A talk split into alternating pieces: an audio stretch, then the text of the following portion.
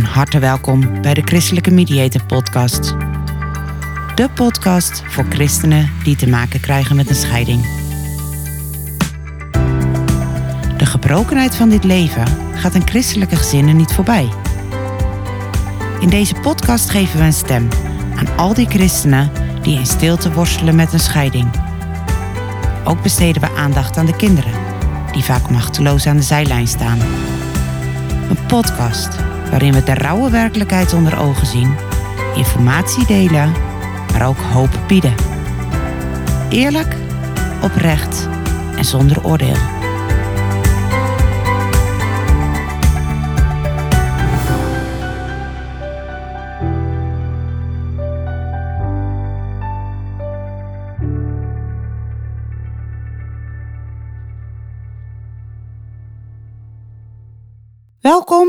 Alweer een nieuwe aflevering van de Christelijke Mediator Podcast. Fijn dat je luistert.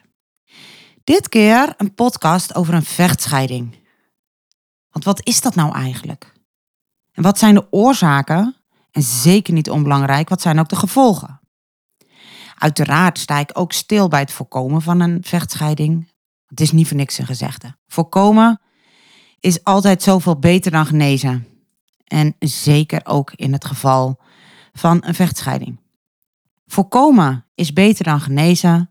Dat is juist mijn motivatie om deze podcast te maken, maar ook om mediator en scheidingsspecialist te zijn. Ik geloof echt dat het anders kan. Sterker nog, ik geloof dat het anders moet. Scheiden is al verdrietig genoeg. En ik gun jullie een scheiding die in relatieve harmonie geregeld wordt. En hoe ingewikkeld het ook is, en misschien zelfs hoe ongeloofwaardig het ook klinkt, het is mogelijk om een scheiding in relatieve harmonie met elkaar te regelen. En dat is mogelijk ook voor jou, ook voor jullie. Toen ik tien jaar geleden zelf ging scheiden, was een van mijn grootste angsten als het maar geen vechtscheiding wordt. Ik had geen idee hoe ik het kon voorkomen, maar één ding wist ik zeker. Een vechtscheiding kent alleen maar verliezers. Gelukkig is het ons gelukt om die scheiding in goed overleg te regelen. Als echtgenoten en partners waren we vreselijk vastgelopen, maar als ouders bleken we eigenlijk best wel een heel fijn en goed team. Toch weet ik dat dat niet altijd is hoe het gaat. Er zijn ook zoveel ouders die hun scheiding goed willen regelen. Ik ben er echt van overtuigd dat alle ouders dat ten diepste willen, toch lopen sommige mensen vast. Waar gaat het dan mis? Tijdens het scheidingsproces en ook al in de periode daarvoor word je enerzijds overspoeld door emoties en anderzijds moeten er besluiten genomen worden. Belangrijke besluiten met vaak een grote impact. Een impact op de woonplek, op de financiën, op de tijd die je met je kinderen nog door kan brengen enzovoort. Het is dan ook niet gek dat alleen dat gegeven al zorgt voor een heleboel stress. Dus een podcast over een vechtscheiding, ik zou hem eigenlijk liever niet maken, maar de praktijk leert dat het nodig is. Waarom zou ik hem liever niet maken? Dat is omdat ik eigenlijk niet zoveel aandacht zou willen geven aan wat er uh, in heel veel gevallen mis kan gaan. Want ik zou juist heel veel aandacht willen geven aan al die gevallen waarin het wel goed gaat. Want er zijn, weet je, ik hecht er gewoon vooral heel veel waarde aan om jullie ook te laten weten, om jou ook te laten weten, dat er heel veel mensen, gelukkig het overgrote deel, in staat is om samen, ondanks de pijn, ondanks het verdriet, goede afspraken te maken. En soms dan stoor ik me wel eens aan het feit dat er juist zoveel aandacht is voor de scheidingen waar het niet goed verloopt. Is misschien wel een beetje hetzelfde uh, als in een uh, ziekenhuis. Het uh, overgrote deel van de operaties gaat heel goed. Daar horen we niks van. Maar op het moment dat een operatie misloopt, dan haalt dat de krant. En hoe mooi is het eigenlijk om juist de focus te leggen op al die scheidingen die wel respectvol verlopen. En om de focus te leggen op al die ouders die in staat zijn om ondanks hun eigen pijn en verdriet, om ondanks hun eigen frustratie, het samen op te lossen. En even de realiteit. Zijn dat dan ouders die nooit botsen? Zijn dat ouders die nooit ruzie hebben? Natuurlijk niet. Ook die ouders, ook die echtparen botsen, hebben ruzie, lopen soms vast. Zonder wrijving is er geen glans. Dat zei mijn opleider vroeger altijd. En ik zie in de dagelijkse praktijk dat dat een feit is. Die wrijving is nodig om weer een nieuwe manier te vinden om met elkaar om te gaan. Om kwetsuren en oude pijn bespreekbaar te maken. En om vervolgens een nieuwe weg te vinden, gebaseerd op een nieuwe basis. Een basis die afscheid neemt van de partnerrelatie, waarbij jullie afscheid nemen als echtpaar, maar waarbij jullie een nieuwe samenwerking aangaan als ouders. Dus zit jij in de scheiding en lopen jullie soms vast, schrik daar niet van. Het kan en mag schuren. Kan en mag moeilijk zijn. Sterker nog, dat hoort erbij. Jullie gaan niet voor niets uit elkaar. Kans is heel groot dat jullie tegengestelde belangen hebben. En is het onze taak en onze expertise om jullie daarbij te helpen. Je staat er niet alleen voor.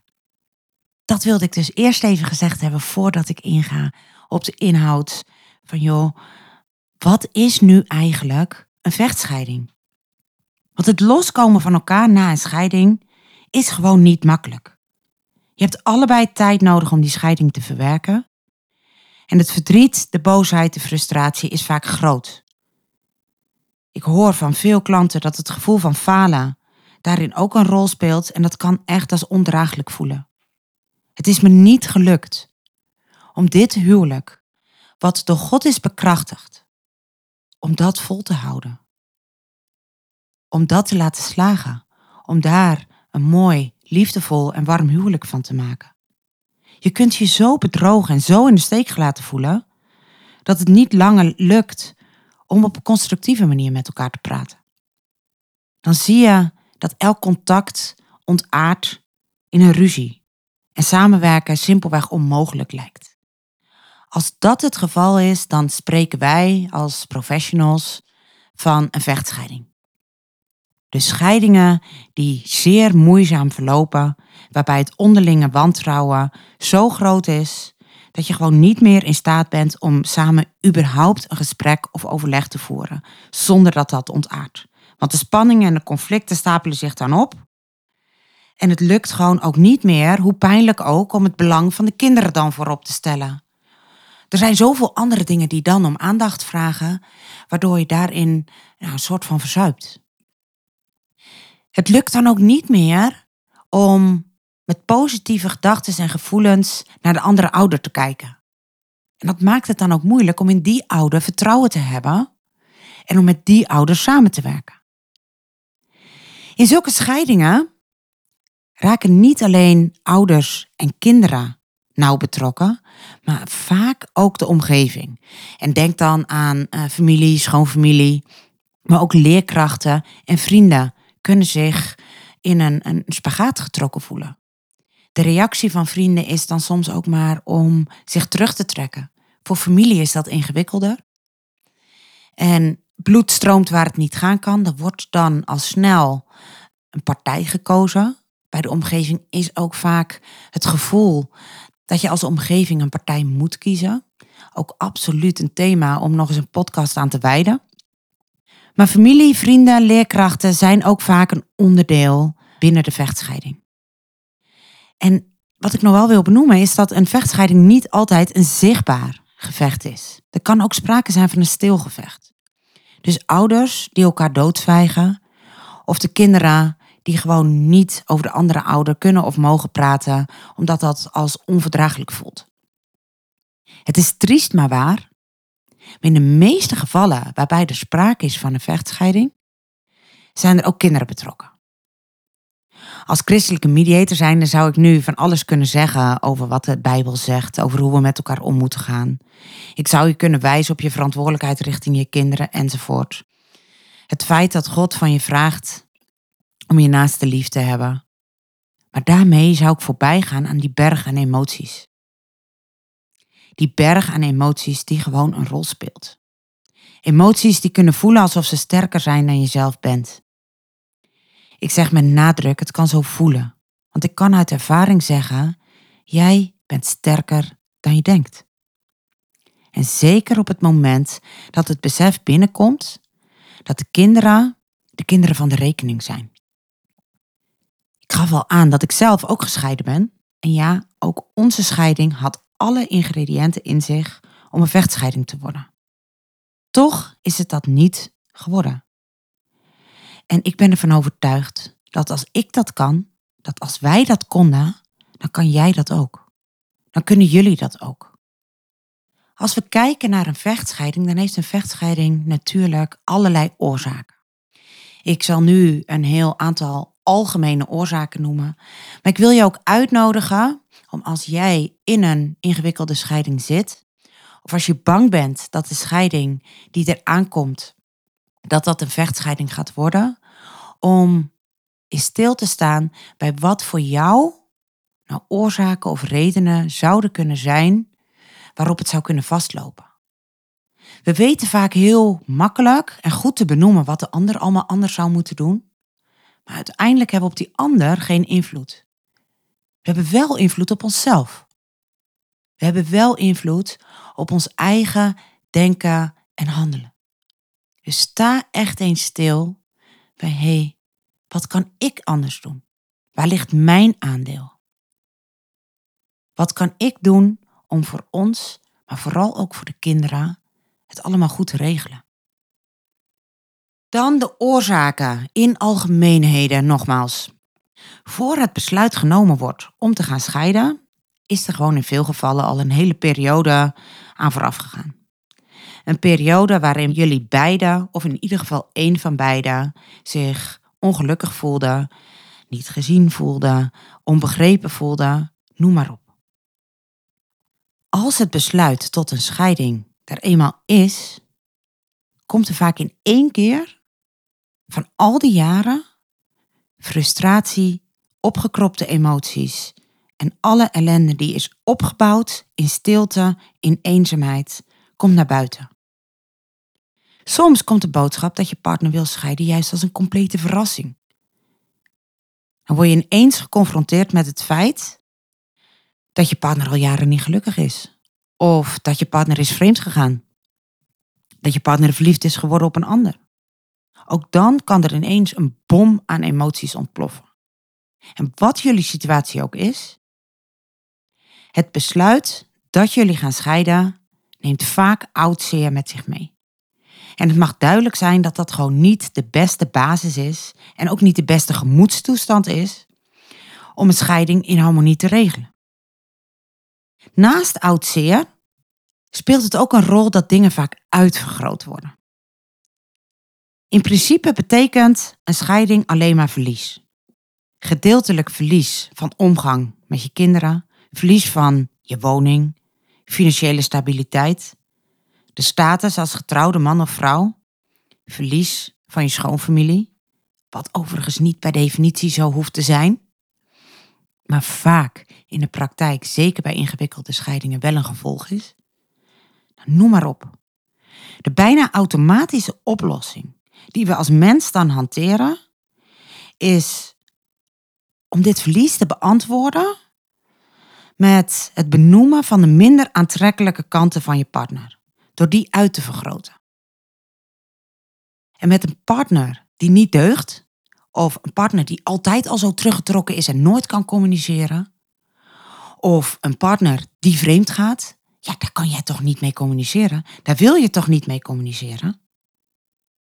Dat voelt niet als de beste basis, en dat is misschien zelfs niet de beste basis, om die harmonie, om dat overleg te zoeken. En toch is dat wel wat nodig is. Mijn inziens is de kans op een vechtscheiding overigens binnen christelijke scheidingen ook groter. Als ik naar mijn eigen scheiding kijk, dan kijk ik soms echt met schaamte terug. Toen ik aan mensen om me heen moest uitleggen dat wij uit elkaar gingen, had ik het gevoel dat ik wel een heel goede reden moest hebben. Want je als christen mag je niet scheiden. En als je het dan toch doet, dan moet je wel een heel, heel, heel goede reden hebben. En laat ik het vooral bij mezelf houden.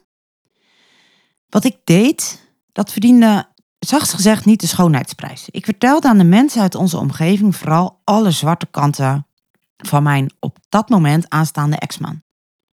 Ik vertelde al zijn zwarte kanten in de hoop dat ik dan begrip zou krijgen. Dat mensen minder een oordeel zouden hebben. Dat mensen mij en mijn eenzaamheid zouden zien en begrijpen. En nu ik terugkijk, realiseer ik me heel goed dat dat niet helpend was. En dat het ook gewoon niet terecht was. Want naast dat hij zwarte kanten had, heb ik die natuurlijk ook. En naast zijn zwarte kanten had hij ook heel veel mooie, liefde en waardevolle kanten. Een ander punt waarop een uh, echtscheiding moeizaam kan worden, is als het verwachtingspatroon heel verschillend is. Dus als dat hoge woord er dan uit is, wordt vaak verwacht dat de partner en het leven samen onmiddellijk verandert. Maar je woont nog wel in hetzelfde huis. Je moet nog wel steeds samen dat gezin draaiende houden. Dus dat er onmiddellijk iets verandert, dat is niet waar. En dat wat in het huwelijk niet lukte of niet werkte, zal dan niet ineens wel lukken. Dus op het moment dat je je eenzaam en onbegrepen voelde tijdens het huwelijk, dan is de kans groot dat dat enorm uitvergroot zal worden in de scheidingsperiode. En zeker gedurende de periode dat je nog in hetzelfde huis woont. En die frustratie die dat met zich meebrengt, dat is weer een nieuwe voedingsbodem voor nieuwe frustraties. Voor extra pijn, ellende en ruzie. In sommige gevallen schrikt de partner zo van het bericht dat zijn of haar echtgenoot wil scheiden, dat hij of zij alles, maar dan ook echt alles in het werk stelt om alsnog de perfecte partner of ouder te worden. Enerzijds omdat de pijn van afwijzing te groot is, en anderzijds omdat je gewoon niet kan of wil geloven dat je huwelijk voorbij is. En bij de vertrekkende partner is in, in dat geval de knop vaak al om. Het besluiten om te scheiden is al definitief. Er is al zoveel aan vooraf gegaan dat hij of zij niet opeens verandert en denkt van joh, dat gedrag, um, nu ineens heb ik wel een lieve partner, dus weet je wat, ik trek me terug. Ik trek mijn besluit terug. En ik wil toch gaan werken voor dit huwelijk. Dat is gewoon niet wat er gebeurt. En daaruit kan wel nieuwe frustratie ontstaan. Van joh, hé, hey, maar waarom luister je nu wel naar me? Waarom neem je me nu wel serieus? Je kan het dus wel. En nu ik zie dat je het wel kan, maakt het me nog bozer dat je dat de afgelopen jaren niet hebt gedaan. Naast de eerder genoemde redenen is er een extra zorg die ook gewoon een wezenlijke rol speelt. En dat zijn financiële zorgen. Financiële zorgen over hoe het nou verder moet na de scheiding. En er is niks te veel gezegd als ik daarbij benoem dat in deze periode uh, ook gewoon een rol speelt. Dat de woningmarkt in een, uh, uh, op zijn zachtst gezegd, moeilijke periode zit. En dat het vinden van een woning moeizaam is. En dat het vinden van een woning ook grote financiële uitdagingen met zich meebrengt.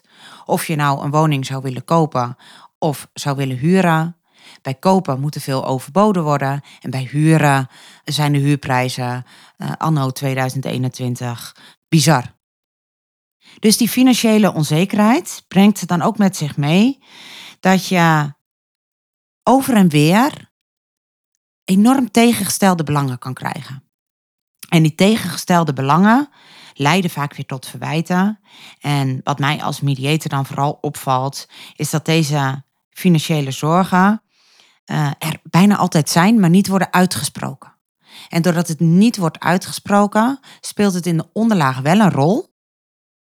Maar voelt het alsof de ene partner de andere partner financieel wil uitkleden. Ja, weet je, jij wil gewoon mij helemaal kaal plukken. En gaan we dan verder en dieper daarop in, dan is het niet eens zozeer het financieel willen kaalplukken. Maar dan is het veel meer van, joh, maar hoe ga ik straks zorgen dat ik in mijn eentje een hypotheek of een huur kan betalen? Dat ik in mijn eentje um, uit de rode cijfers blijf. Naast het wonen spelen er op financieel vlak ook gewoon nog heel veel andere zaken een rol. En naast deze stress zie ik het ook vaak gebeuren dat mensen in paniek, omdat ze niet weten wat hun te wachten staat, omdat ze het zelf niet kunnen overzien, wordt er in de stress nog wel eens voor gekozen om maar heel snel een advocaat in de arm te nemen. Een advocaat die voor jouw belangen gaat. En zonder dat ik hoef uit te leggen ehm, dat een advocaat die de strijd aangaat niet helpend is, kan het wel begrijpelijk zijn. Zo van, joh, ik weet het niet, dus iemand anders moet mijn belangen maar gaan behartigen.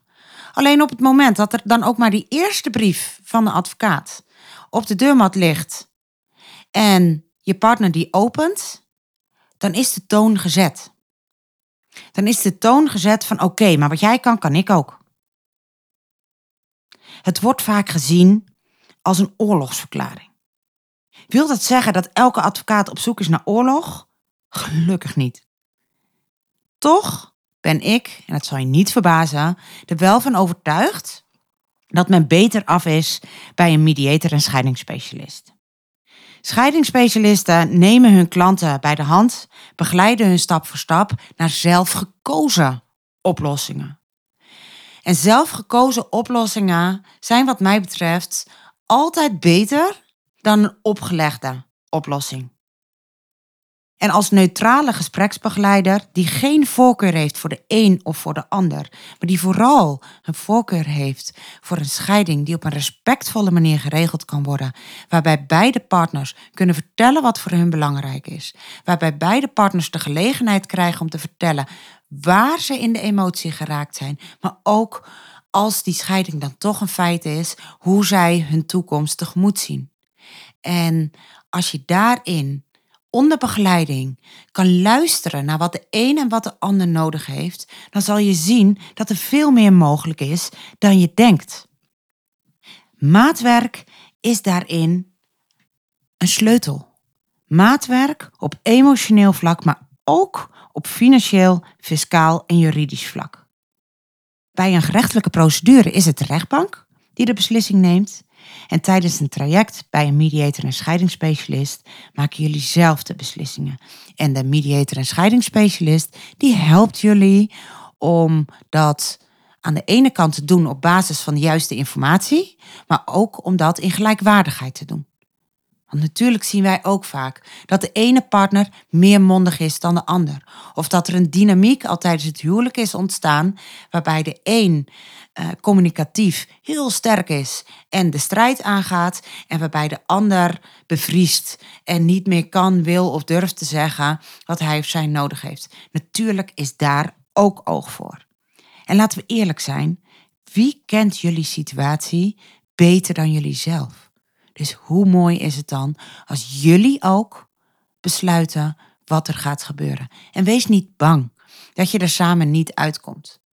Want gelukkig zien wij in de praktijk nog steeds dat 95% van onze klanten daar samen met onze hulp goed uitkomt. Als we het hebben over een vechtscheiding, kunnen we niet om de gevolgen heen. En de gevolgen zijn voor jullie als partners groot, maar indien jullie samen kinderen hebben, zijn de gevolgen voor de kinderen ook groot. En laten we als eerste eerlijk zijn, geen kind wil dat zijn of haar ouders gaan scheiden. Toch is een scheiding niet altijd te voorkomen. En een scheiding aan zich hoeft niet traumatisch te zijn voor kinderen. Maar de wijze waarop jullie uit elkaar gaan, kan wel maken dat er een trauma ontstaat. Dus de manier waarop jullie uit elkaar gaan is gewoon van cruciaal belang. Of een scheiding jullie kinderen beschadigt, staat of valt met de wijze waarop jullie als ouders met de scheiding omgaan en ook met hun als kinderen omgaan. Als we spreken over een echte vechtscheiding, dan zien we vaak dat de kinderen het onderwerp van de strijd worden. Dus dat de kinderen in de strijd als een soort van schaaksteen worden ingezet, waarbij de kinderen dus als machtsmiddel worden gebruikt. Nou, alsjeblieft, ik hoop dat iedereen die dit luistert begrijpt dat dat schadelijk is voor een kind.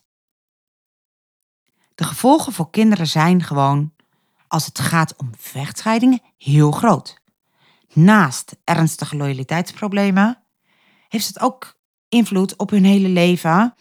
Um, nu ze klein zijn op hun uh, uh, emotionele leven. Maar ze onderschat niet dat het ook op hun emotionele en eigen relaties in de toekomst een impact kan hebben. Maar we zien ook dat schoolresultaten, gewoon simpelweg op de korte termijn, dat schoolresultaten lijden onder de situatie. En dat kinderen um, van ouders die in een moeizame scheiding zitten, somberder zijn. Dus dat is echt uit onderzoeken blijkt dat gewoon. En probeer je ook eens te verplaatsen in een kind. Dus een kind wat zich nergens op de wereld veiliger voelt als bij zijn of haar eigen papa en mama. Dus je hebt een veilig leventje met papa en mama, dat is jouw thuis. Zij kennen jou als geen ander. Bij hun kun je wegkruipen. Je hebt je eigen kamertje, je eigen plekje. En dan ineens, van de ene op de andere dag, hoor je, krijg je het bericht: papa en mama gaan uit elkaar. Dus die veilige plaats die dat kind heeft, is ineens onzeker. Alles wat vertrouwd was, komt op de helling te staan. Een kind wat zo afhankelijk is, wat zo zoekt naar veiligheid, moet ineens dealen met een nieuwe situatie. Dat kind hoort het allerliefst dat ondanks de scheiding papa en mama samen voor hem of haar blijven zorgen. En als dat kind dan in al zijn of haar kwetsbaarheid geconfronteerd wordt met ouders die elkaar niet kunnen luchten of zien, dan scheurt het kinderhart. Het kwetsbare kinderhart. En als kinderen dan horen van mama wat papa allemaal fout doet en bij papa juist het tegenovergestelde, dan ontstaat daar gewoon een gespleten kinderhoofdje. Want papa is de liefste en mama is de liefste, maar wat is nou de waarheid? Aan onze klanten leg ik het vaak als volgt uit. Kinderen bestaan voor 50% uit papa en 50% uit mama. Op het moment dat de ene ouder dan de andere ouder afwijst, dan voelt dat voor de kinderen onbewust alsof ook een deel van hen wordt afgewezen. Hun vader of hun moeder is immers een deel van hen en zij zijn deel van hun ouders. Ik weet niet hoe het met jou was, maar ik mocht vroeger zelf, vond ik, een heleboel dingen negatief vinden aan mijn ouders. Maar op het moment dat iemand anders iets negatiefs zei over mijn ouders, dan ging ik het voor ze opnemen. Mijn vader die gaf altijd catechisatie nou, dan ben je niet de meest geliefde persoon onder de jeugd. En dan waren er wel eens mensen die erover mopperden en over zeurden. En ik ging het dan altijd voor hem opnemen. En diep van binnen was ik het eigenlijk wel een beetje met ze eens. Dus als je dan kijkt vanuit die hoedanigheid van hé, hey, maar buitenstaande mag al niet iets negatiefs zeggen. Hoe ingewikkeld is het dan als de ene ouder iets negatiefs zegt over de andere ouder? Of als de ene opa en oma, dus als de vader en moeder van mama iets negatiefs zeggen over papa, dan raakt dat, dan doet dat pijn. Een heel ander treffend voorbeeld, wat ik vooral probeer, is, is het om het zo duidelijk mogelijk te maken van hé, wat is nou de positie van dat kind? En dan is het denk ik een heel treffend voorbeeld om te zien dat jullie als gezin op een ijsvlakte staan. Dus jullie staan op een, een grote ijsvlakte. Van de winter kon dat zo mooi. En daar stonden jullie veilig. Door de scheiding komt er een scheur in het ijs. Een scheur in de basis waarop jullie als gezin staan.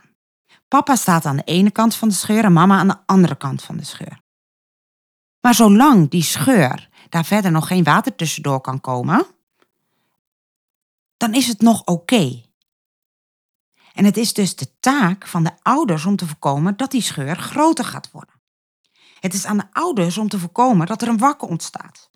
Want op het moment dat er te veel ruimte komt tussen de ijsvlakte, waar papa op staat en waar mama op staat, en de kinderen daartussenin staan, dan dreigen die kinderen dus in dat wak te vallen. En jullie kinderen zullen heel lang met één beentje op het wak van papa blijven staan, of op, op het ijsschot van papa blijven staan, en met één beentje op het ijsschot van mama. Maar als het wak groter wordt, dan dreigen de kinderen in de spagaat te komen. En op het moment dat de scheur te groot is, dan zijn de kinderen zodanig in nood dat ze op een van beide ijsschotsen moeten springen, want anders verzuipen ze. Netter gezegd, dan verdrinken ze. En dat is dus wat er vaak gebeurt als kinderen van een gescheiden ouder ervoor kiezen om nauwelijks of geen contact meer te hebben met een van beide ouders. Dat zegt vaak niets over het feit of de verlaten ouder wel of niet capabel is en of de kinderen wel of niet van deze ouder houden, maar het zegt veel meer over de schade die het kind ondervindt van het feit dat de ouders niet in staat zijn om afscheid te nemen als partners en de frustratie die daarbij hoort en te gaan samenwerken als ouders. Want bij een scheiding, ik kan het niet genoeg benoemen, bij een scheiding is het van groot belang dat er afscheid genomen wordt van de partnerrelatie. Daarin kan de ander enorm gefaald hebben. Dus ja, een ouder kan vanuit jouw referentie falen als partner. Maar dat betekent niet dat hij of zij ook faalt als ouder. Want een kind kan niet kiezen. Een kind wil niet kiezen. Voor een kind is het belangrijk om contact te mogen hebben op een onbevangen manier met papa en mama. En het allermooiste is als een kind dan na het weekend bij mama aan papa kan vertellen hoe fijn en hoe leuk en hoe gezellig het was. Dat papa daar interesse in heeft, omdat dat het leefwereld is van het kind. En hoe fijn is het dan dat als het vaderdag is, dat mama helpt om een cadeautje uit te zoeken voor papa. Daarmee krijgt het kind onbewust, of in ieder geval het kind is zich er niet van bewust, de ruimte om te houden van papa en mama. En ik ben ervan overtuigd dat elk kind dat nodig heeft. Uiteindelijk wil elke ouder het beste voor zijn of haar kinderen. En je kunt als ouder verschillen van inzicht hebben over wat dan het beste is, maar één ding staat vast. Als jij het beste wil voor jouw kinderen, dan is het jouw taak en jouw opdracht om er alles aan te doen wat in jouw vermogen ligt om die scheiding in harmonie te regelen. En voor het geval je al midden in die echtscheiding zit, weet dan dat het ook nu jouw verantwoordelijkheid is om te kijken wat jouw aandeel kan zijn om het beter te maken. Hoezeer het ook kan voelen alsof de schuld toch echt bij die andere ouder ligt, leer kijken naar wat jouw aandeel is. Focus je op de onderdelen waar je wel invloed op hebt. Wat jouw partner jou ook heeft aangedaan. En hoe jouw partner in het heden of verleden ook faalt. Blijf alsjeblieft kijken naar het belang van de kinderen. Want nogmaals, een falende partner is echt wat anders dan een falende ouder. En hoeveel onrecht jou ook wordt aangedaan, vergeet de kinderen niet. En ik ken geen ouders die willen dat hun kinderen klem komen te zitten. Dat wil jij ook niet. Ik ken geen ouders die willens en wetens hun kinderen verdriet doen. Dat wil jij ook niet. Ook als jij in die vechtscheiding zit, heb je verdriet van alles wat er gebeurt. Toch, want ik zei net van joh, ik ken geen ouders die willen dat hun kinderen klem komen te zitten. Maar ik ken wel ouders die ondanks hun eigen goede inzet geen andere keuze zien dan hun kinderen op de hoek van de straat af te zetten, zodat ze met hun koffertje in de hand de laatste meters naar het huis van de andere ouder moeten lopen. En ook deze ouders waren van plan om hun scheiding goed te regelen. En toch liep dat anders. Deze ouders vertellen ook dat het een langzame neerwaartse spiraal is geweest. Steeds werd het moeilijker in plaats van makkelijker. En inmiddels zitten ze er middenin. Ze hebben geen idee meer waar de nooduitgang is. En zoals voor zoveel situaties geldt, is ook hierin voorkomen is zoveel beter dan genezen. En elke vechtscheiding begint met moeilijke, ingewikkelde gesprekken. Waarom ik dat zeg, is dat die ouders waar ik net op wees, van joh, die hun kinderen op de hoek van de straat afzetten, die zeiden van joh, ik heb in toenemende mate het gevoel dat ik niet meer terug kan. En ik heb zoveel spijt dat ik in het begin van het traject het niet anders heb gedaan. Dat we niet aan het begin van het traject al die mediator en die scheidingsspecialist in de arm hebben genomen.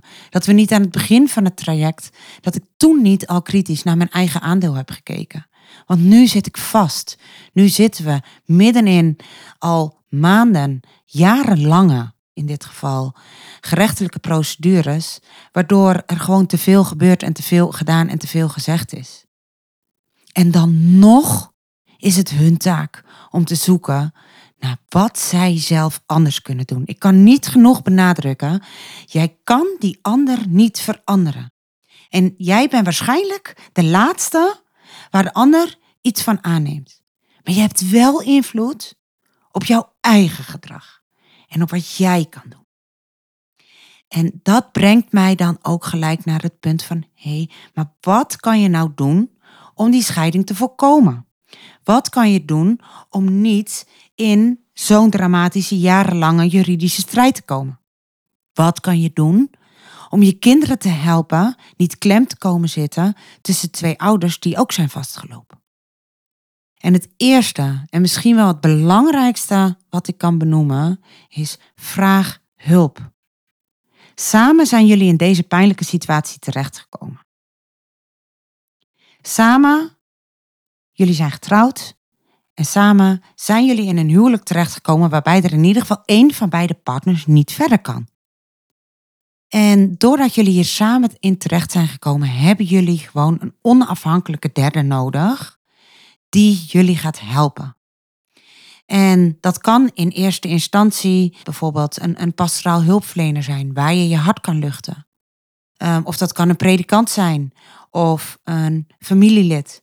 Maar als het erop aankomt dat die scheiding geregeld gaat moeten worden, zowel emotioneel als praktisch, financieel, juridisch en fiscaal, dan heb je een specialist nodig.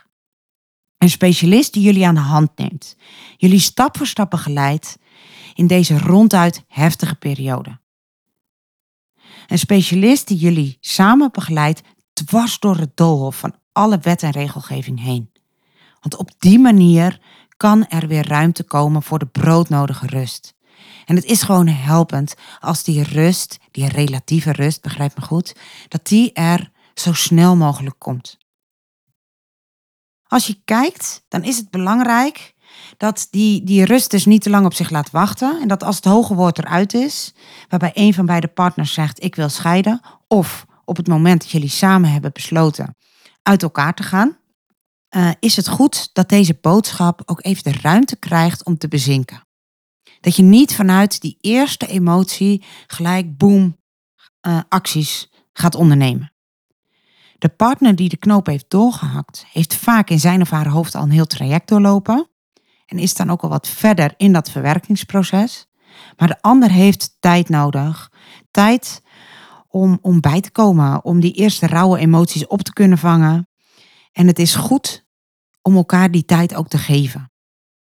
Omdat het in de eerste fase van verdriet, boosheid, teleurstelling gewoon niet altijd goed is om dan al beslissingen te nemen. En twijfel je van joh, maar is dit dan nu het juiste moment? Neem dan ook gerust contact op. Dat we met elkaar kunnen kijken van hé, hey, maar ben je op dit moment in staat? Zijn jullie op dit moment in staat om goede en wel overwogen beslissingen te nemen? We denken daarin graag met jullie mee. Uh, want ik kan me ook voorstellen dat het best lastig is. Ik bedoel, ga je wachten totdat er geen emoties meer zijn? Dat moment gaat de komende tijd niet komen. En het is wel belangrijk om als die eerste emoties enigszins gezakt zijn, om dan ook te kijken hoe we een nieuwe, duidelijke uh, situatie kunnen creëren, zodat jullie ook weer weten waar je aan toe bent.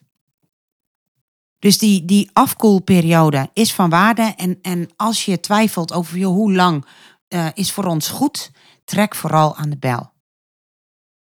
En als jullie al halverwege het scheidingstraject zijn, of als de praktische scheiding al een feit is, kan het heel erg helpend zijn om de communicatie heel zorgvuldig te laten verlopen.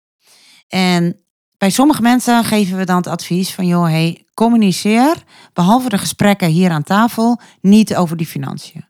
Want dat gaat escaleren. Maar stel nou dat je merkt van hé, hey, wij lopen ook op andere punten vast. Dus het is niet één onderwerp. Maar er zijn meerdere onderwerpen waarbij we per mail of per app op vastlopen.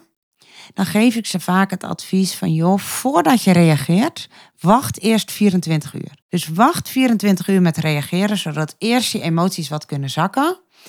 En weet je, je hoeft niet in de scheiding te liggen om af en toe het verstandige besluit te nemen om een app eens te laten liggen of om een mail eens te laten liggen. En er eerst eens 24 uur overheen te laten gaan voordat je reageert. Maar als je in een scheiding zit, is dat gewoon nou, in heel veel situaties eh, heel waardevol. En echt een wezenlijk stukje om zo even een, een pauze in te bouwen en zorgvuldig in die communicatie te zijn.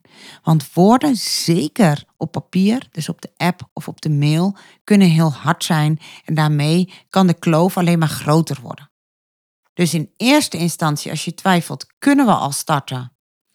Trek aan de bel als je het niet weet. Zit je al midden in het traject? Geef jezelf dan af en toe even die pauze. En als de ander uh, graag snel een antwoord wil, of als de ander blijft aandringen, zeg dan ook van joh, hey, het lukt me nu even niet om goed te reageren. Ik kom er voor, nou, ik noem maar even wat, morgenavond 8 uur bij je op terug dan geef je de ander ook weer even de duidelijkheid. En je zal verbaasd staan over het begrip wat je daarop um, zou kunnen krijgen. Want dat geeft de ander ook de mogelijkheid om op een moment dat hij of zij geraakt wordt, ook even die ruimte te pakken. Het is in dit soort situaties echt wat je geeft, in veel gevallen krijg je het ook terug. En krijg je het niet terug, stop niet met geven. En ja, daarin vraag ik veel. Maar je zal er uiteindelijk zoveel voor terugkrijgen. Het zal je zoveel ellende besparen. Hoe kan je nou een vechtscheiding nog meer voorkomen? Nou, dat is vooral ook weer het punt wat ik net benoemde. Jij hoeft die scheiding niet te verantwoorden. Dus maak je partner niet slechter um, met het gevoel van, joh, maar ik moet een verantwoording hebben voor het feit dat we uit elkaar gaan. Dus hoe verleidelijk het ook is, Trap niet in deze valkuil. Het doet jou en jullie geen recht. Dus je hoeft geen verantwoording af te leggen aan de mensen om je heen, ook niet aan gemeenteleden. Uiteindelijk hoeven we maar aan één iemand verantwoording af te leggen. En onthoud dan dat hij erbij was de afgelopen jaren. Hij weet als geen ander hoe jullie huwelijk is verlopen. Hij kent jouw pijn. Hij kent je verdriet. Hij kent je eenzaamheid. En niet alleen die van jou, ook die van jouw aanstaande ex-partner. Het is je ook goed om te blijven realiseren dat er niet één waarheid is. Jij hebt jouw beleving bij de afgelopen jaren. Jij weet hoe dit voor jou voelt. Jij kent jouw eigen eenzaamheid, jouw eigen pijn en jouw eigen verdriet. Dat is jouw waarheid. De kans is groot dat de ander ook veel pijn en verdriet heeft. Ook als jij dat niet ziet. Dus ook als het lijkt alsof die ander er ogenschijnlijk allemaal heel makkelijk doorheen gaat, geloof mij, ook die ander worstelt. En ja, jullie hebben wellicht twee andere verhalen. Dat kan en dat mag. Jullie zijn twee verschillende mensen met een verschillend verleden en jullie kijken door een andere bril en jullie voelen en ervaren de dingen anders. En als je nou kijkt, dat je dus weet van hé, hey, de ander heeft een ander perspectief. De ander beleeft het op een andere manier. Probeer dan eens nieuwsgierig te zijn en oprechte interesse te tonen in hoe de ander het beleeft. Probeer het eens echt. Je zult verbaasd staan van het effect. En we zien mensen die dit heel graag willen, maar die het niet goed kunnen, niet goed durven, bang zijn voor de reactie, weet dan dat een mediator en scheidingsspecialist hier ook een rol in speelt. En jullie ook bij de hand neemt om naar elkaars verhalen te luisteren, zodat er meer ruimte komt voor uh, het begrip, maar ook de erkenning die soms zo keihard nodig is. Een volgend punt, wat ook een rol speelt, is dat het nodig is om bij tijd en wijle water bij de wijn te doen. Het is geen leuke boodschap, want het liefst heb je natuurlijk dat alles gaat zoals jij het zou willen. Maar dat kan en zal niet gebeuren. En hoe plat het ook klinkt, scheiden is een gezamenlijk probleem. En kan ook echt alleen maar opgelost worden door een gezamenlijke oplossing. En dat is dus weer waar je die hulp bij nodig hebt. Dus, dus blijf daarin ook bedenken dat die gezamenlijkheid nodig is om tot die oplossing te komen, maar ook dat de ander, net als jij, heel veel van de kinderen houdt. Ook als jij vindt dat de ander wel wat meer naar de kinderen had om mogen kijken, ook als jij vindt dat de ander wel wat meer verantwoordelijkheid had mogen nemen voor het huishouden of voor de opvoeding of noem maar op. Jullie houden beide van jullie kinderen. En de kinderen houden van jullie allebei en hebben jullie beiden nodig. Dus hoe moeilijk het misschien ook is, en hoe boos je misschien ook bent, hoeveel onrecht je misschien ook is aangedaan, blijf bedenken. En je hoort het al, ik heb het vaak benoemd in deze podcast en ik blijf het benoemen. Blijf bedenken dat je de kinderen nooit en te nimmer in deze strijd mag betrekken.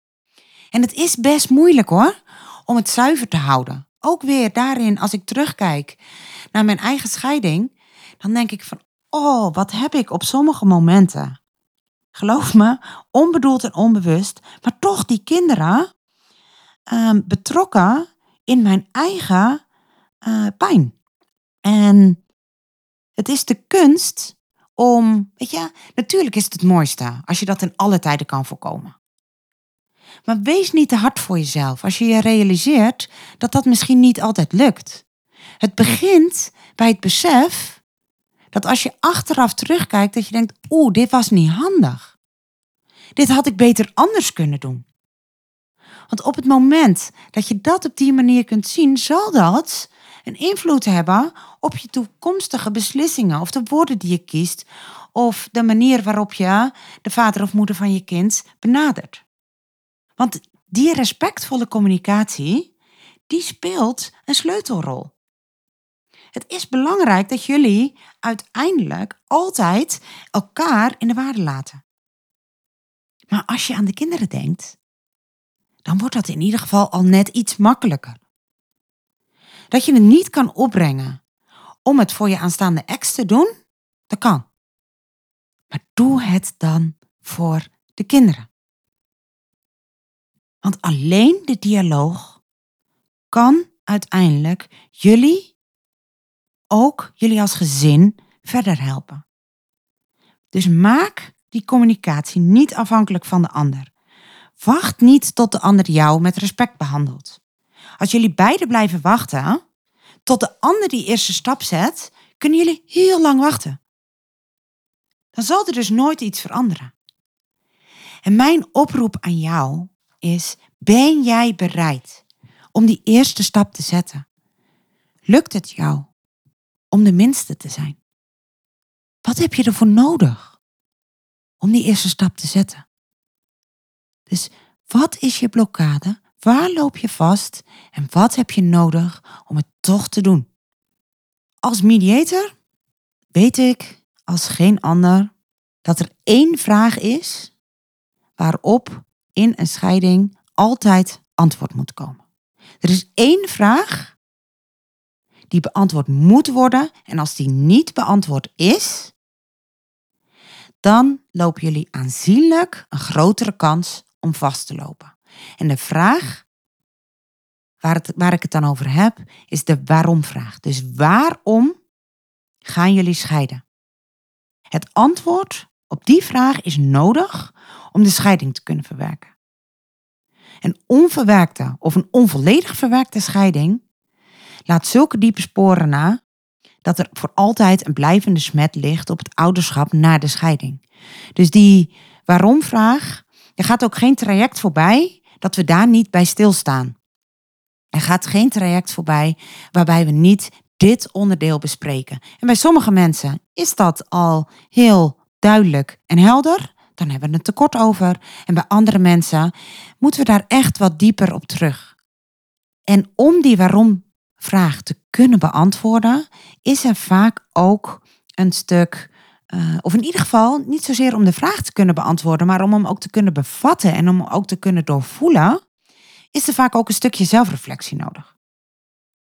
Die tijd voor zelfreflectie, of dat nou gaat om waarom gaan we uit elkaar, wat was mijn aandeel in ons huwelijk en in het vastlopen van ons huwelijk? Want hoe gek het ook klinkt, uiteindelijk hebben we daarin allemaal een aandeel. Hoe klein of groot deze ook is, ga daar, daar eens naar op zoek. Ga eens op onderzoek uit van joh, wat was mijn aandeel tijdens ons huwelijk, maar ook wat is mijn aandeel in de scheiding? Wat is mijn aandeel in eh, de manier waarop we het nu regelen? Zijn er dingen die ik anders kan doen? Of blijf ik toch nog vastzitten? En dat kan hè, en dat mag. Blijf ik op dit moment vastzitten nog in mijn boosheid? Het is geen schande als dat gebeurt. Maar op het moment dat je er bewust van bent, dan kan je er ook iets mee.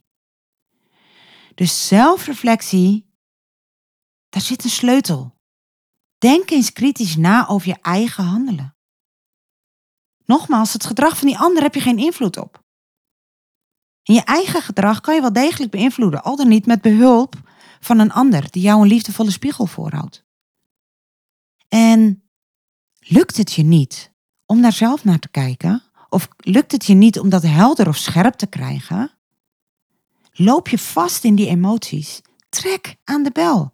Het is geen schande om om hulp te vragen. Bij tijd en wijle hebben we allemaal iemand nodig die ons een liefdevolle spiegel voorhoudt. Zeker tijdens live events als deze. Want echt, dat kan ik niet genoeg benadrukken. Het is een heftige tijd waar je in zit. Wees daarin ook mild en lief voor jezelf. Vraag steun, vraag hulp. Praktisch en emotioneel. En praktisch kan dus ook zijn om even uh, iemand uh, uit je netwerk te vragen om uh, op de kinderen te passen, zodat jij even de tijd kan nemen voor jezelf. Of de vraag of iemand, of het aanbod, want het aanbod komt ook, hè, het aanbod aan te nemen dat er iemand even een keer een pan komt brengen. Maak er gebruik van, want dit is heftig. En hulp kan het echt, echt makkelijk maken. Nou, zoals je het waarschijnlijk al merkt, over dit onderwerp kan ik echt nog uren doorpraten. Ik weet gewoon dat scheiden geen eenvoudige weg is, maar ik weet ook dat het anders kan. En zoals ik aan het begin al zei, ik weet ook dat het anders moet. En met de juiste hulp en de juiste begeleiding is het echt mogelijk om die scheiding goed te regelen. Voordat ik afsluit, wil ik even kort aanstippen dat er een speciale aanpak is ontwikkeld voor ouders die vastlopen of die bang zijn dat ze gaan vastlopen. En dat is dus een traject die ouders helpt om afscheid te nemen als partners, om vervolgens samen te werken als ouders. Binnen Christelijke Mediator ben ik zelf een, uh, nou een behandelaar, zoals dat formeel heet, met deze methode. Er zijn er in het land natuurlijk nog veel meer behandelaars. Deze methode heet de SCHIP-aanpak. Dus mocht je interesse hebben, zou je al eens kunnen kijken op de website. Dat is www.schipaanpak.nl. Maar in de volgende podcast gaan we uitgebreider stilstaan bij de schipaanpak. Wat houdt het nou in? En hoe doe je dat dan? Het afscheid nemen als partners en het samenwerken als ouders. Dus mocht je interesse hebben, luister vooral de volgende podcast. En mocht je vragen hebben over jouw specifieke situatie, dat geldt nu, maar ook in de toekomst, schroom niet, trek aan de bel, want we helpen je graag. Dank voor het luisteren naar de Christelijke Mediator Podcast. Mocht je behoefte hebben aan advies of aan een luisterend oor, schroom niet. Neem vooral even contact op. Dat kan via www.christelijkemediator.nl. We helpen je graag. Je staat er niet alleen voor. Wil je geen aflevering meer missen? Abonneer je dan op de podcast in je favoriete luisterapp.